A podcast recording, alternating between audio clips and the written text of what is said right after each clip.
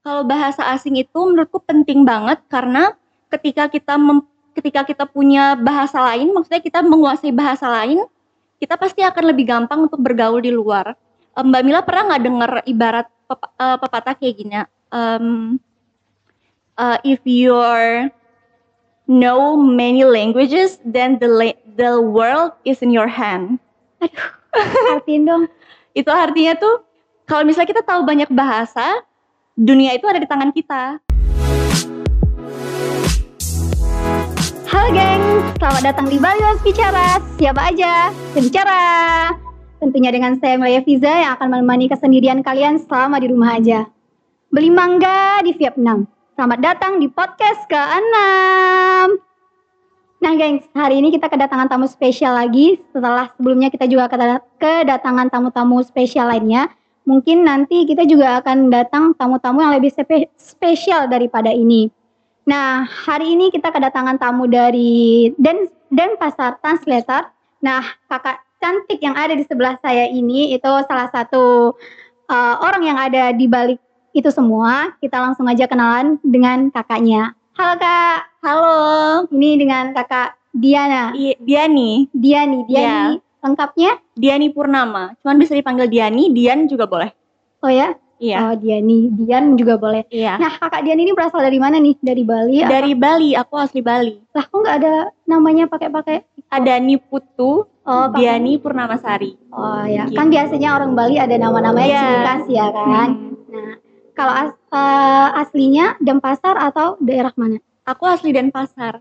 Denpasar hmm. sini kota Denpasar iya kota Denpasar. Oke deh. Nah itu dia. Kakak ini berasal dari kota Denpasar. Juga dulu lulusan mana nih kak? Um, universitasnya? Iya. Aku dari Universitas Mahasaraswati Denpasar. Oh angkatan angkatan 2015 oh sama dong. Kita, kita sama. Diani aja ya Diani. Oke deh. Iya nggak usah pakai kak. Nggak usah pakai kak. Nah ini kita panggilnya uh, Denpasar Translator atau Indo Trans Denpasar Translator. Nah itu apa tuh pak dan pasar translator itu adalah jasa penerjemah. Jadi kita itu um, biasanya menerjemahkan dokumen baik yang dokumen resmi maupun tidak resmi gitu. Cuman ada yang membedakan kita nih daripada translator yang lain. Oke. Okay. Kita penerjemah kita itu udah tersumpah dan resmi. Jadi udah disumpah oleh Gubernur Bali gitu. Dan oh. hasil terjemahannya itu diakui di kedutaan besar. Udah berapa lama nih? Aku hampir dua tahun di sini. Oh, dua tahun. Iya. Sebelumnya ini berdirinya tahun berapa? Tahun 2018. Tahun 2018 hmm. berarti dari awal berdiri udah ada di Indotrans. Iya, kurang lebih. Kurang lebih. Emang dulu jurusan tasing?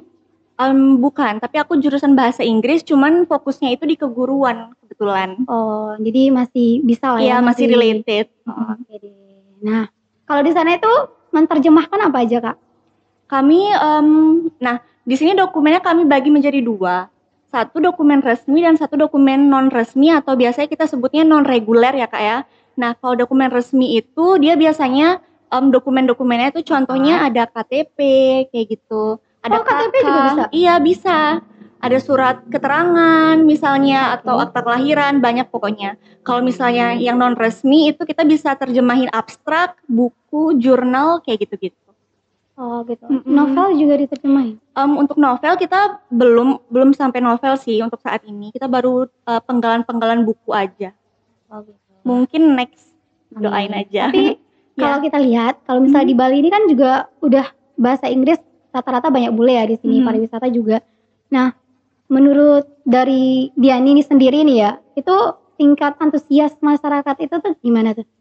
Um, menurut aku udah lumayan besar banget ya kalau untuk di Bali, apalagi ada bule banyak banget bule di sini. Nah, kalau misalnya um, untuk orang Bali sendiri, menurut aku udah besar karena um, seperti yang kita bisa lihat ya banyak banget orang-orang kayak uh, tanteku misalnya, mereka udah mulai nyekolahin anaknya itu ke sekolah internasional. Oke. Okay. Mereka mau anaknya bisa bahasa Inggris kayak gitu. Terus kita juga banyak banget orang Bali yang udah mulai cari beasiswa untuk di luar negeri atau hmm. yang lagi uh, booming kan um, working holiday di Aussie itu okay. orang Bali banyak banget temanku udah ke Aussie jadi antusiasnya banyak banget sih menurutku tapi gitu. lebih banyak yang anak muda kali ya iya anak muda kalau yang udah tua-tua enggak jarang banget sih paling kan kalau traveling orang yang udah tua lumayan ya mm -hmm.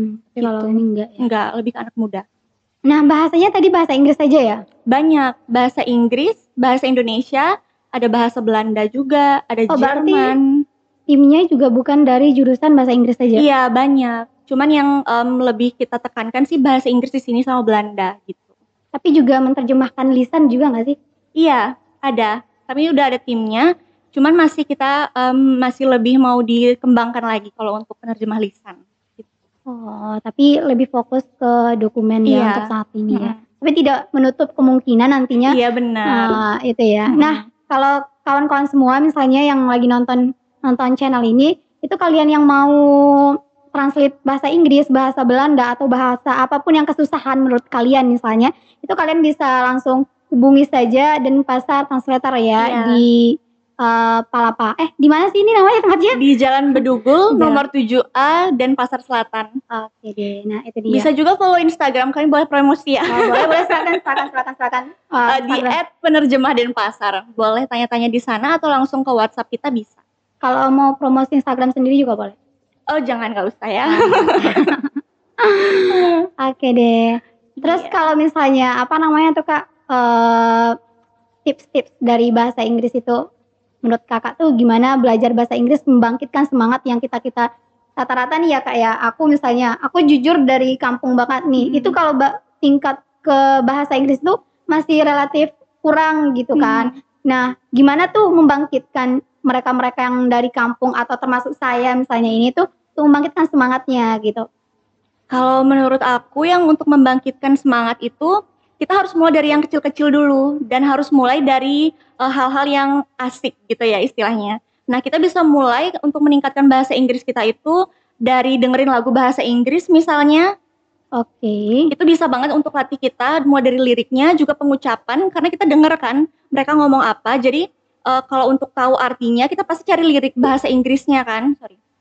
Nah, setelah kita cari lirik bahasa Inggrisnya, kita pasti mau tahu arti dari lirik ini itu apa. Menurutku, kalau dulu awal-awal aku belajar bahasa Inggris, lirik lagu paling paling eh, gini sih, paling ampuh buat eh, bikin semangat bahasa Inggris. lebih nambah kosakata Mm-mm. mungkin ya itu Iya, ya dan- ya Kita juga bisa nonton film bahasa Inggris tuh, film barat. iya Tapi jangan lupa subtitle-nya pakai bahasa Inggris juga. Oh kalau gitu. saya nonton bahasa Inggris itu subtitlenya bahasa Indonesia atau kalau bisa bahasa Minang itu sekalian bahasa Minang gitu Bahasa ya kan? Minang. ya biar Lebih baik langsung pakai bahasa Inggris, jadi kita bisa tahu. oh gitu Sekarang langsung kita langsung belajar kan, gitu. ya oke oke oke oke kayak gitu ya bahasa Inggris Iya. nah kalau pengalamannya sendiri itu gimana maksudnya dari dulu emang udah suka bahasa Inggris atau gimana Suka banget bahasa Inggris dari dulu. oh dari kecil dari ya kecil karena em, backgroundnya orang tuaku sama keluargaku itu udah sekolah di em, sorry udah kerja di bidang pariwisata terutama Oh. kakekku oh gitu. jadi udah turun temurun Iya. bahasa Inggrisnya jadi banyak banget teman kakek tuh sering ke rumah yang bule-bule jadi otomatis pasti diajak ngobrol kan jadi udah suka gitu ada lagi nggak tips yang lain misalnya apa Em, gitu tips yang lain itu nah perbanyak juga nonton YouTube Kayak yang gitu. pakai konten bahasa Inggris. Sebenarnya banyak banget konten-konten bahasa Inggris em, atau tips-tips bahasa Inggris yang ada di yang ada di YouTube. Contoh aja eh, kayak guruku Mr. D, Mbak Mila tahu? Mr. D itu siapa tuh? Nah, bisa cari dari YouTube. Guruku Oke. Mr. D itu bagus banget. Dia tuh em, ngasih tau bahasa Inggris tuh asik banget gitu. Jadi banyak banget cari-cari di Belajar bahasa. Inggris dari dia. Iya. Atau kita juga bisa belajar bahasa Inggris lewat reality show di YouTube itu banyak banget misalnya Carpool Karaoke. Oke, aku karena aku nggak tertarik ya bahasa Inggris, jadi kayak nggak tahu itu apaan sih ya, apaan sih ya gitu, jadi bingung terus. itu lucu jadi banyak juga kayak misalnya keeping up with the Kardashian itu juga bisa. Jadi kita lihat bahasa Inggris itu nggak cuman melalui buku bahasa Inggris. Karena biasanya orang Indonesia belajar bahasa Inggris itu dari buku kan. Jadi bahasanya terlalu formal menurut aku jadi lebih baik kita memperbanyak untuk menonton video-video di YouTube yang reality show kayak gitu. Pokoknya The Ellen Show kayak gitu. Jadi bahasa Inggris kita bakal lebih Aduh, natural oke, oke, gitu. oke, oke, daripada kita bahas yang textbook how are you? I'm fine thank you and you? kayak gitu aja kan. Ah, oke. sebenarnya banyak banget ekspresi yang lain yang bisa kita pakai selain itu gitu jujur-jujur aku nggak tahu itu apa yang disebutkan Ya, kita tadi itu aku nggak tahu ya. Ya, aku Mm-mm. juga mau belajar bahasa Inggris sebenarnya, makanya kita mau belajar bareng. Mungkin Iya. udah lebih tingkatnya lebih tinggi dari aku misalnya si Dian. Lah. Terus ini apalagi tuh Dian? Eh, Kalau masalah kita itu kan eh, apa yang ingin aku tanyakan ya? Kok aku jadi blank gitu ya kalau mau mau menanyakan sesuatu hal itu. Terkait ini deh, terkait uh, masyarakat Bali khususnya. Kan kita logat kita masing-masing daerah kan. Iya, Ada benar. Bali punya logat sendiri, Mm-mm. uh, Minang punya logat sendiri, Batak atau apa pun tuh punya logat sendiri dalam bahasa. Nah, action itu perlu nggak sih aksen, aksen, action Mm-mm. lagi aksen. Aksen menurutku lumayan perlu ya karena aksen itu em, kayak buat kita terlihat lebih natural kalau untuk eh, kita ngomong bahasa Inggris kita seenggaknya kita punya aksen tersendiri tapi menurut aku bukan hanya aksen itu yang lebih penting tapi bagaimana kita em, berbicara the way we talk is more important than uh, the accent itself Oke. gitu jadi gimana kita bisa eh, ngasih tahu ke orang dan orang itu ngerti itu Mm-mm. lebih penting sih menurutku daripada aksen. Kalau menurut Mbak Mila aksen penting. Aku karena nggak tahu makanya Oh, bertanya. gitu. Kalau aku tahu aku nggak aku nggak aku tanya aku tanya ya kan. Oh iya. Karena kan kalau kita tengok misalnya orang Bali itu kan Hmm. pakai logat dia sendiri bahasa Mm-mm. bahasa Inggris kan. Iya. Walaupun misal, coba deh kita ke Kuta misalnya ke Mm-mm. daerah-daerah pariwisata itu mereka menawarkan barang dagangan mereka itu dengan logat bahasa Bali Iya. gitu kan. Buy me, buy me. Iya. Tapi itu nggak terlalu penting ya. Sebenarnya bukan nggak penting, tapi lumayan penting. Cuman lebih penting bagaimana kita membuat orang mengerti apa yang akan kita Ucapkan. bicarakan. Iya, Oke. gitu. Yang jelas lawan bicara kita itu mengerti apa yang Mhm. mau kita Iya, ucapkan itu lebih itu- penting. Itu lebih Mm. penting. Tapi kalau yang misalnya mau logat apa pun terserah deh, yang jelas Iya. paham ya kan. Lagian bule-bule juga nggak nuntut. Iya bener. Kecuali kalau dia, eh aku nggak ngerti lah, Mhm. kamu ngomongin apa yang nggak sih? Iya, karena kalau boleh cerita sedikit, Oh iya boleh boleh boleh banget. Dulu aku pernah nonton di YouTube salah satu konten, aku lupa dia pokoknya bule yang udah lama gitu tinggal di Bali Mhm. dan dia itu punya eh, punya apa ya konten di YouTube namanya itu Seleb English. Jadi dia tuh komentarin eh, bahasa Inggrisnya artis-artis gitu kan. Nah aku pernah eh, sempet tuh nonton dia komentarin Anggun Anggun C Sasmi Oh Anggun yang penyanyi Iya, itu, yang, yang sekarang tinggal di Prancis dan jadi Oh, warga iya, negara. Prancis. Nah dia kan nggak punya logat bahasa Inggris yang benar-benar American atau British kan. Nah Oke. si bule ini malah bilang aksennya dia itu seksi buat didengar gitu. Jadi menurutku em, bahasa Inggris itu maksudnya gimana ya aksen tuh nggak begitu penting gitu loh. Tapi asalkan kita pinter cara kita ngomong, orang itu lihat kita tuh kayak gimana ya kita asik buat diajak ngobrol gitu kayaknya lebih penting deh. Tapi Gitu. apa bedanya aksen sama Amerika sama apa tadi British? British. Itu beda sih. Em, aku nggak bisa niru bener-bener. Cuman kalau British itu em, gimana ya? Em, kalau British dia lebih ke pengucapannya lebih ke a. Gimana ya? Aku nggak bisa Contohin kalau aja masa misalnya apa em, gitu. Contohnya kalau di American English itu kan eh, kalau kita biasanya dengar bahasa Inggrisnya menari itu kan dance kan. Iya. Kalau kita bilang dance itu bahasa Inggrisnya American dance. Dance. Kalau kita British itu dance gitu. Jadi beda sebenarnya. Iya. Sama kayak polis sama kalau polis apa? Aku pernah dengar Mhm. juga waktu itu. Kalau itu aku kurang tahu ya. Oh kurang tahu ya. Mm-mm. Dulu aku pernah dengar itu, cuman aku karena aku nggak terlalu Iya. tahu bahasa Inggris ya kan. Jadi Sebenarnya kalau kita belajar kita pengen cari tahu tuh menarik banget bahasa Inggris. Karena kita kalau belajar bahasa itu kita nggak cuma belajar bahasanya, tapi kita juga belajar eh, budayanya. Bener nggak? budaya Inggris. Mhm. Kalau bukan cuma budaya Inggris, kalau misalnya kita suka drama Korea misalnya, kita suka bahasanya, kita Oke, oke, belajar oke, juga oke. kan Iya, culture-nya. Bener. Hmm. kayak gitu sebenarnya asik banget kalau kita bisa belajar terus mengenal juga budaya mereka tuh kayak gimana gitu Nah, itu dia. Kalau kalian mau belajar bahasa Inggris itu harus sering-sering mencari tahu, Iya, harus ada rasa keingin keingintahuan ya. Mhm. Itu khususnya harus ada rasa keingintahuan untuk belajar. Maka dari itu kalian akan tetap bersemangat untuk mempelajari suatu bahasa. Nah, Mhm. apa pentingnya bahasa? pentingnya bahasa banyak banget penting banget Ini di luar bahasa Inggris atau apa Iya, ya? Semua bahasa semua misalnya. bahasa terutama bahasa asing ya kalau kita Mhm. sekarang kita kan bahasa Indonesia semua orang juga bisa kan di Hmm. Indonesia kalau bahasa asing itu menurutku penting banget karena ketika kita mem- ketika kita punya bahasa lain maksudnya kita menguasai bahasa lain kita pasti akan lebih gampang untuk bergaul di luar Eh, Mbak Mila pernah nggak dengar ibarat pep- eh, pepatah kayak gini Em, eh, if you're know many languages then the la- the world is in your hand Artiin dong. itu artinya tuh kalau misalnya kita tahu banyak bahasa dunia itu ada di tangan kita Oke. gitu. Jadi ibaratnya kalau misalnya kita tahu banyak bahasa nih, kita bisa ajak banyak orang, oh sorry, kita bisa lebih mengenal banyak orang, kita misalnya lebih gampang komunikasi, misalnya kita mau traveling ke Inggris, terus kita kalau nggak bisa bahasa Inggris susah kan, jadi apa-apa harus pakai Google Translate, kita rekam, Hmm. itu agak susah kan. Kalau kita bisa bahasa, maupun bahasa Inggris, bahasa Korea, atau bahasa apa pun, ketika kita bisa dan kita lagi traveling ke sana, itu akan memudahkan kita untuk berkomunikasi. Nah, selain itu juga kita membuka banyak peluang nih. Kalau misalnya kita bisa bahasa asing ya, peluangnya itu nggak cuma di bidang pekerjaan, tapi juga di bidang bahasa. Karena sekarang lagi gencar-gencar banget nih, banyak banget adanya beasiswa ke luar negeri kan. Kalau misalnya kita bisa bahasa asing dan kita mau cari sekolah di sana, itu akan buka peluang yang lebih besar buat kita keterima. Gitu. Sekarang kan lagi corona, jadi mungkin Iya, lebih, mungkin lebih sedikit yang ini ya, lebih sedikit yang mau cari ke luar negeri. Iya. Karena Sekarang waktunya kita pulang kampung dulu. iya. Kenapa? Kenapa sih kak kita nggak ini? Eh kak lagi, Dian kenapa sih kita nggak eh, cuma belajar bahasa ibu aja? Kan itu lebih penting. Kan bahasa paling pertama itu kita Mhm. kenali adalah bahasa, Bahasa ibu, ya kan. Mm-mm. Kenapa tuh? Em, maksudnya kenapa kita belajar bahasa ibu aja gitu? Kenapa nggak bahasa ibu aja nggak cukup sih? Gitu? Oh, gimana ya? Kalau misalnya kita bisa belajar lebih, kenapa kita nggak coba belajar? Mhm. Karena bahasa ibu itu kita udah belajar dari kecil kan. Kita udah bisa ngomong bahasa Indonesia dari kecil. Sampai Oke. sekarang anggapannya kita udah jago. Nah kalau udah jago ini, kita nggak boleh stuck dong di situ-situ aja.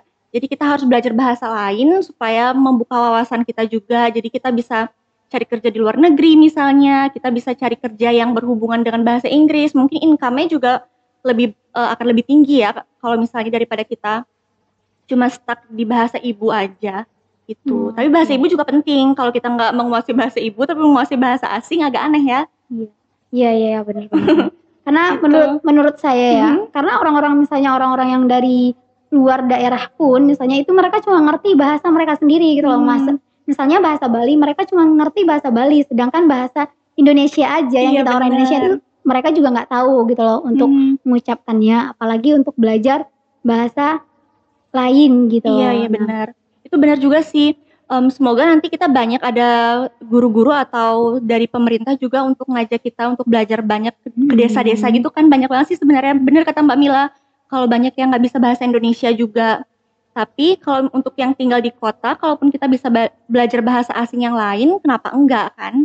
Tapi Denpasar Denpasar Translator ini mengajarkan juga nggak bahasa lain gitu. Kalau untuk saat ini belum, cuman kita ada nih satu program di Instagram baru banget Oke. kita lakuin. Jadi em, di corona ini kan kita lagi lumayan kan di semua aspek juga lagi turun kan. Mhm. Jadi kita buat satu konten di Instagram yang khusus ngajarin bahasa Inggris gitu. Boleh dicek di Instagram kami.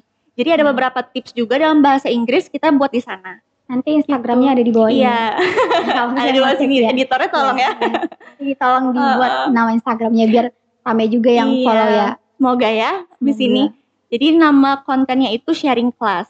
Oh, Gitu. serius. Iya. Ya, karena itu lebih apa ya, lebih menjual kayaknya kalau Iya, sekarang. Karena memang orang-orang pada cari itu yang yang di media sosial Hmm, yang gitu. online Iya, semua kan sekarang. mau bertatap muka atau Iya. langsung face to face enggak ya. Iya kayaknya. benar. Lebih efektif seperti itu. Mhm. Iya kan? Iya.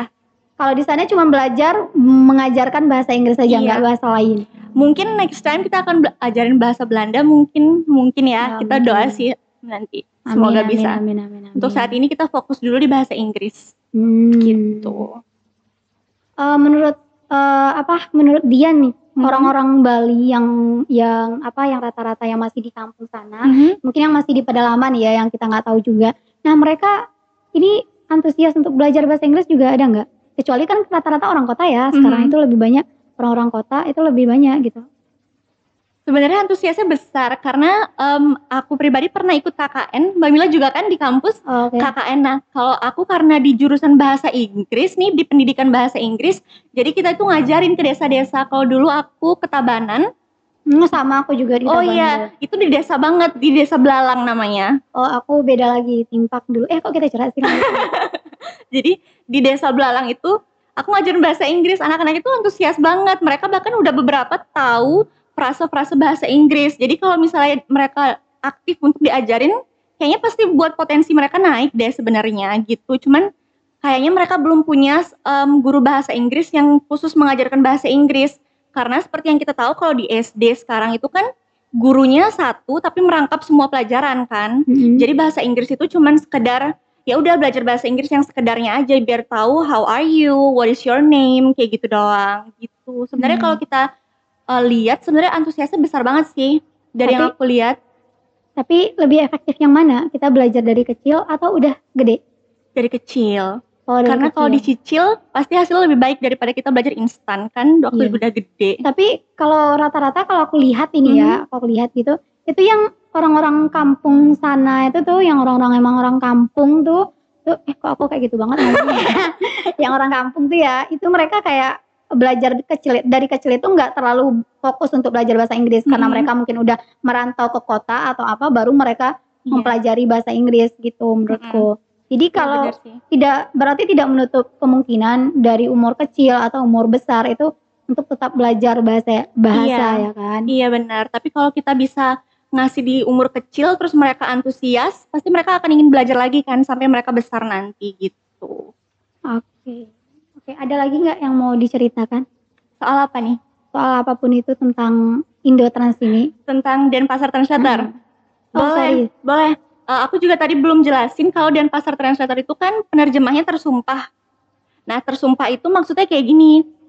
Jadi, penerjemah kami itu sudah melalui ujian kualifikasi namanya. Apa tuh? ujian kualifikasi? kuli- eh, kualifikasi em, penerjemah itu jadi ada ujian-ujian yang eh, untuk menyeleksi Mhm. penerjemah siapa yang bakal lulus dengan nilai tertentu ya. Misalnya nilai 80 ke atas kayak gitu baru mereka bisa lulus. Kemudian setelah mereka lulus itu baru mereka eh, dikukuhkan dengan disumpah oleh gubernur di setiap tempat. Nah kalau misal Denpasar Translator itu mereka eh, penerjemah kami sudah disumpah oleh gubernur Bali pada tahun 2004 gitu. Iya, iya, iya, Jadi iya. udah diakui di, eh, di kedutaan besar. Jadi kalau misalnya ngurus-ngurus surat untuk keluar negeri itu Iya bisa, bisa banget di kita bisa urusan banget keimigrasian, misalnya pernikahan, perkawinan untuk eh, WNI sama WNA bisa.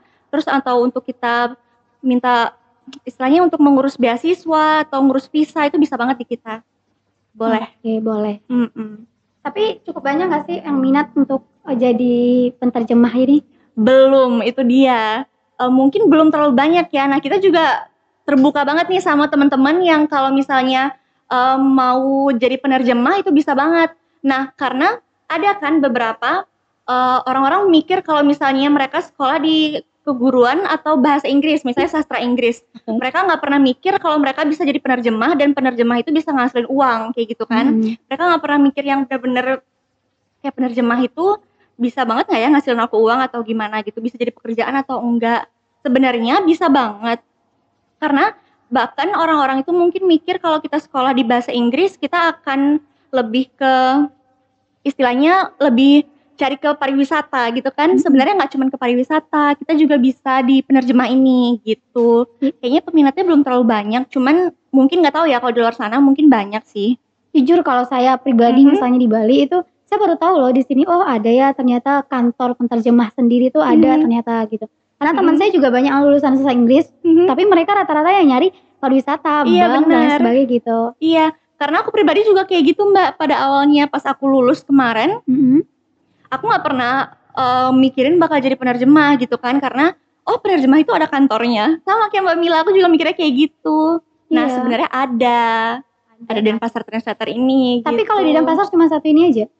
Mungkin banyak ya, tapi em, nggak tahu ya kalau yang lain. Cuman kita mungkin yang tersumpahnya itu ada di Denpasar Translator gitu. Oke deh.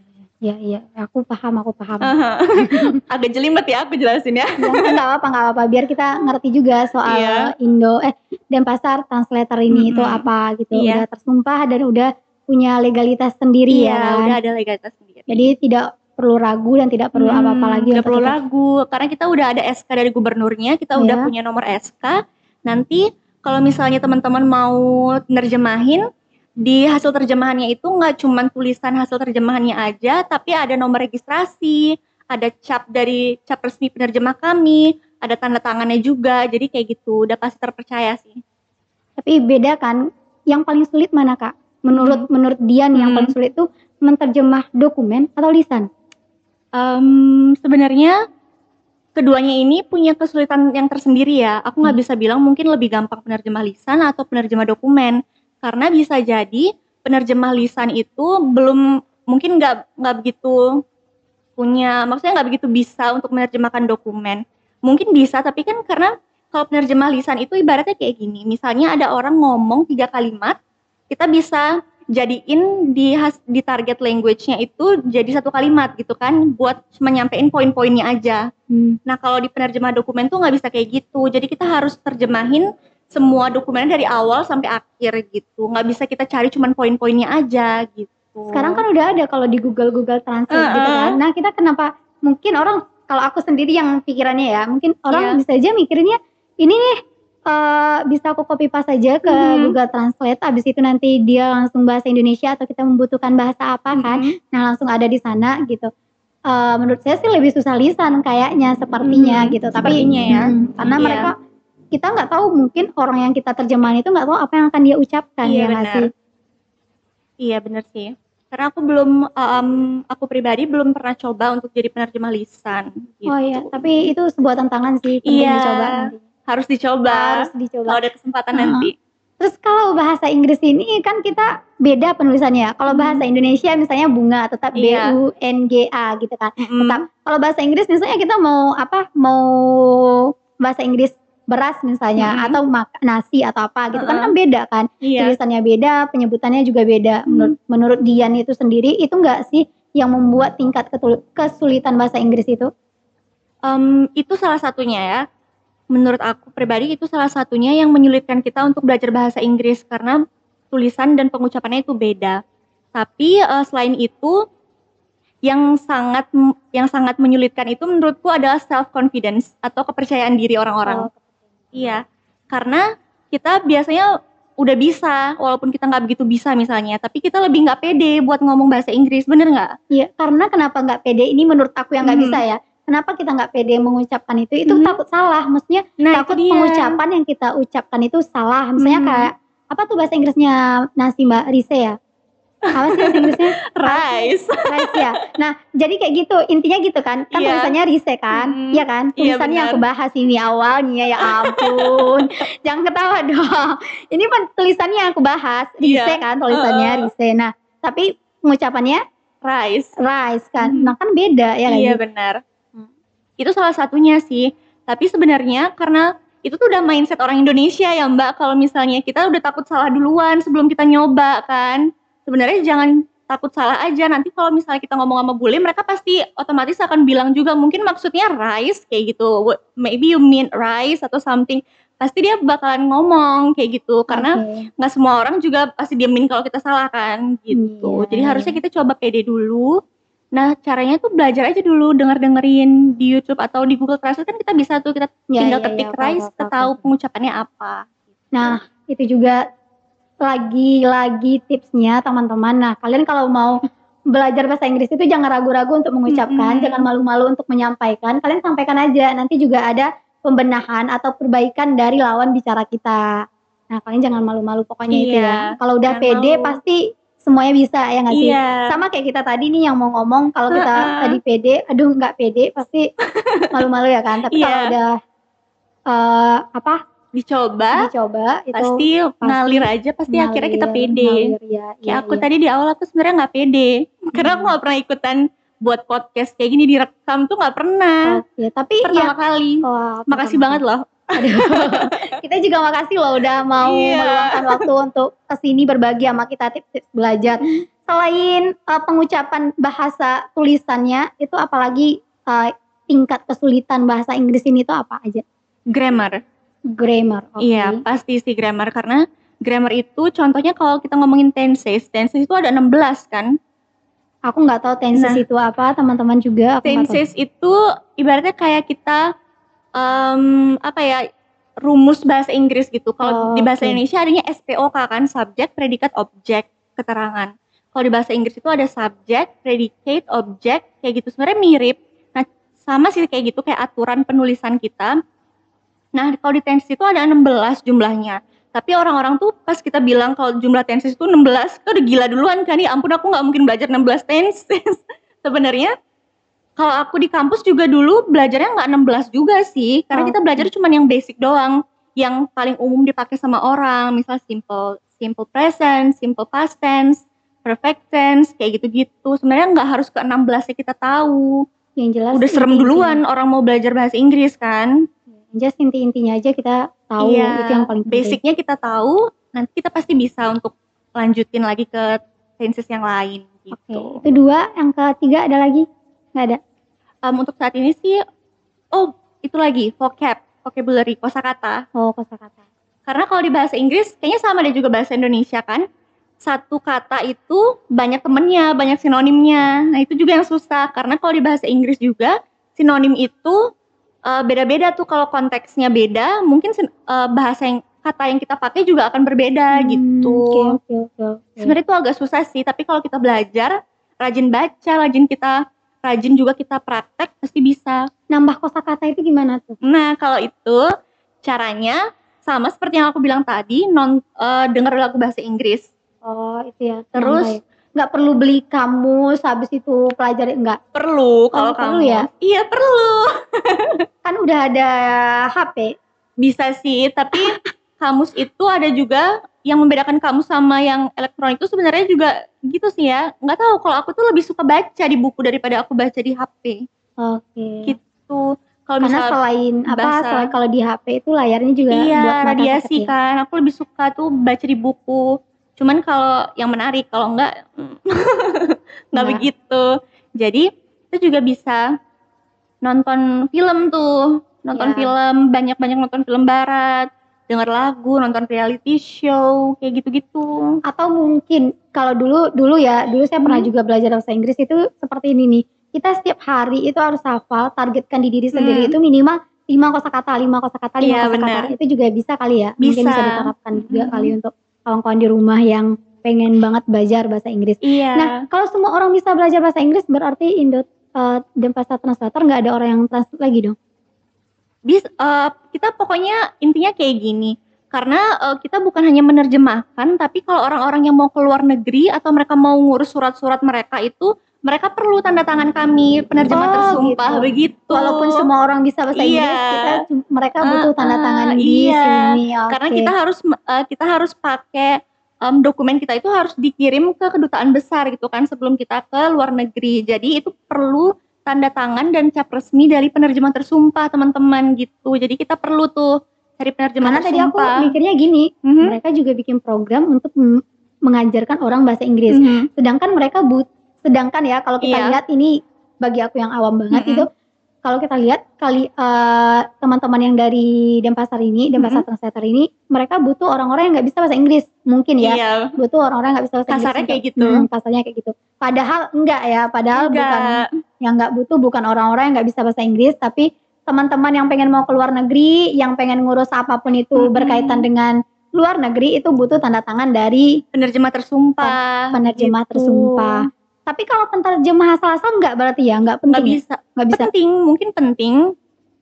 Kita nggak pernah tahu ya karena em, kita namanya pekerjaan. Karena kan aku seperti yang aku bilang tadi, Mhm. ad- kita tuh ada dokumen yang dibagi menjadi dokumen resmi dan non resmi. Jadi kalau non- dokumen non resmi itu ibaratnya kayak non non reguler, itu nggak perlu tanda tangan. Jadi sebenarnya penerjemah yang lain juga bisa Jadi gitu. yang perlu tanda tangan ini yang mana nih? Yang dokumen resmi. Dokumen resmi Untuk yang- kita contohnya, kita mau belajar ke luar negeri, mau cari beasiswa, oh itu yang penting ya. iya Kalau itu yang kita bisa. Tapi Kalau- masih bisa nggak sih me- di sini itu menerjemahkan misalnya ada tugas nih Mm-mm. tugas teman-teman yang lain misalnya ada tugas tentang bahasa Inggris harus ditranslate itu berapa berapa lembar-lembar gitu tuh masih bisa kan? Bisa bisa banget karena kita juga di sini nerjemahin jurnal eh, jurnal artikel.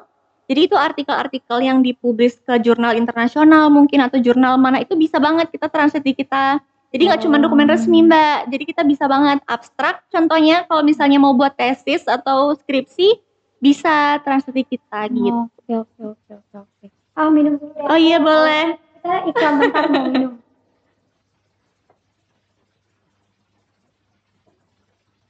Dingin nanti mbak.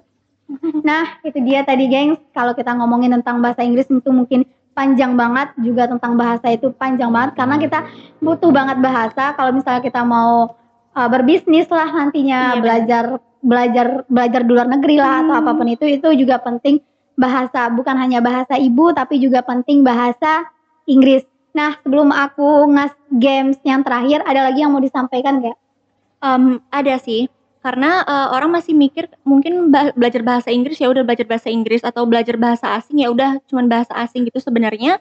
eh, kita juga MEA itu udah udah masuk kan sebenarnya ke Indonesia. Cuman mungkin efeknya belum begitu kita rasakan gitu kan ya untuk saat ini. Jadi sebenarnya kita nggak bisa menutup kemungkinan kalau nantinya itu mungkin akan ada perusahaan besar dari luar negeri yang didirikan di Indonesia. Jadi mungkin aja nanti mereka perlu hire orang-orang yang bisa bahasa Inggris gitu kan. Jadi di situ bisa jadi peluang kita banget tuh kalau kita bisa bahasa asing. Jadi eh, kita bisa join di perusahaan itu kayak gitu. Atau kita juga nggak menu- menutup kemungkinan siapa tahu bahasa Inggris atau bahasa asing lain bisa jadi bahasa kedua di bahasa Indonesia. Kayak contohnya di Singapura mereka bahasa keduanya bahasa Inggris kan. Jadi siapa tahu kita bahasa Inggris bisa jadi second language di Indonesia gitu. Jadi Iya. sebenarnya kalau bisa belajar, belajar.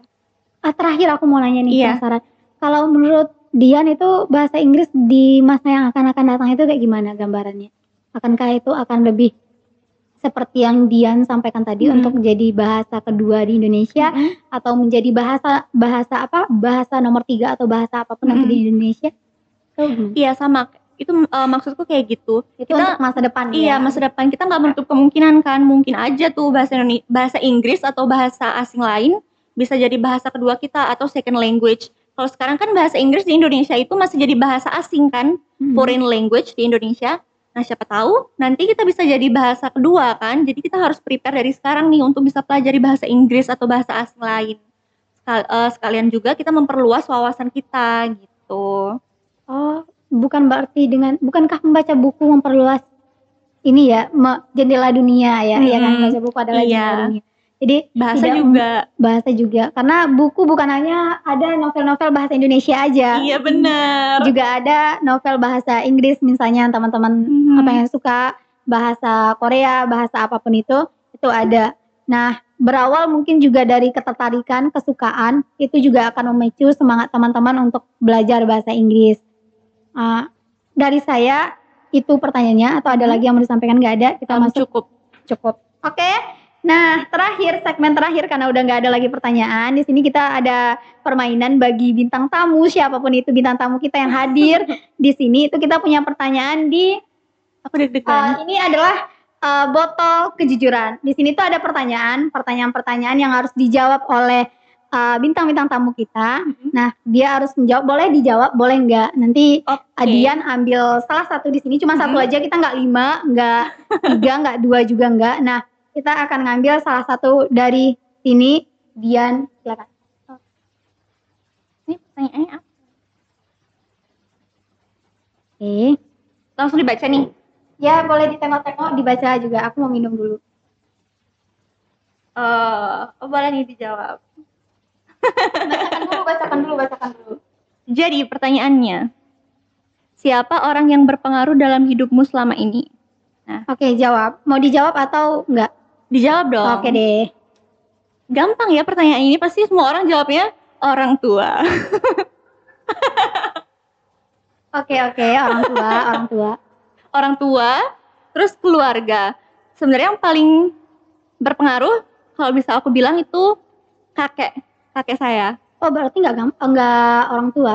keluarga berarti keluarga deket tuh kakek dari ayah saya itu paling berpengaruh sih sebenarnya Kenapa? karena uh, saya deket banget sama kakek jadi dari dulu dari kecil banget ke mana-mana sama kakek minta beli buku sama kakek kayak gitu yang ngajarin bahasa Inggris juga kakek jadi sampai sekarang tuh apa-apa kakek gitu Tapi maaf, kakekmu masih ada masih sampai sekarang. iya Oh, tapi udah belum tua-tua banget kan? belum belum tua-tua banget masih sehat masih fit Oh, masih fit. iya semoga sehat terus Amin, amin, amin, Iya. amin.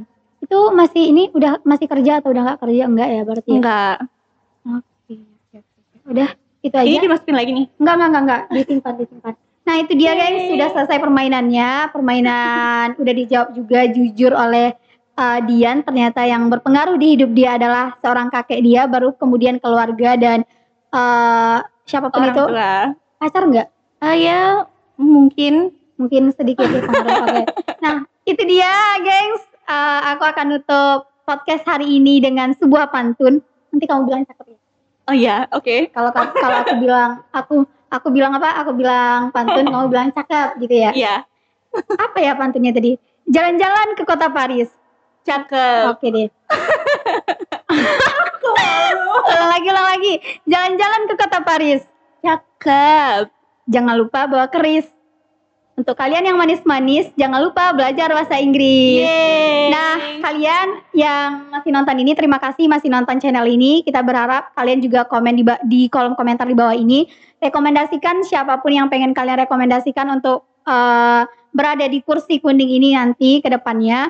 Kita berharap banget kalian rekomendasikan orang-orang yang mungkin menurut kalian relevan dengan eh, podcast kita eh, hari ini. Ke depan ke depannya juga. Nah, eh, tetap stay tune di Bali Bebas Bicara. Siapa aja bisa Bisa bicara. bicara. Dadah. Dah, makasih banyak.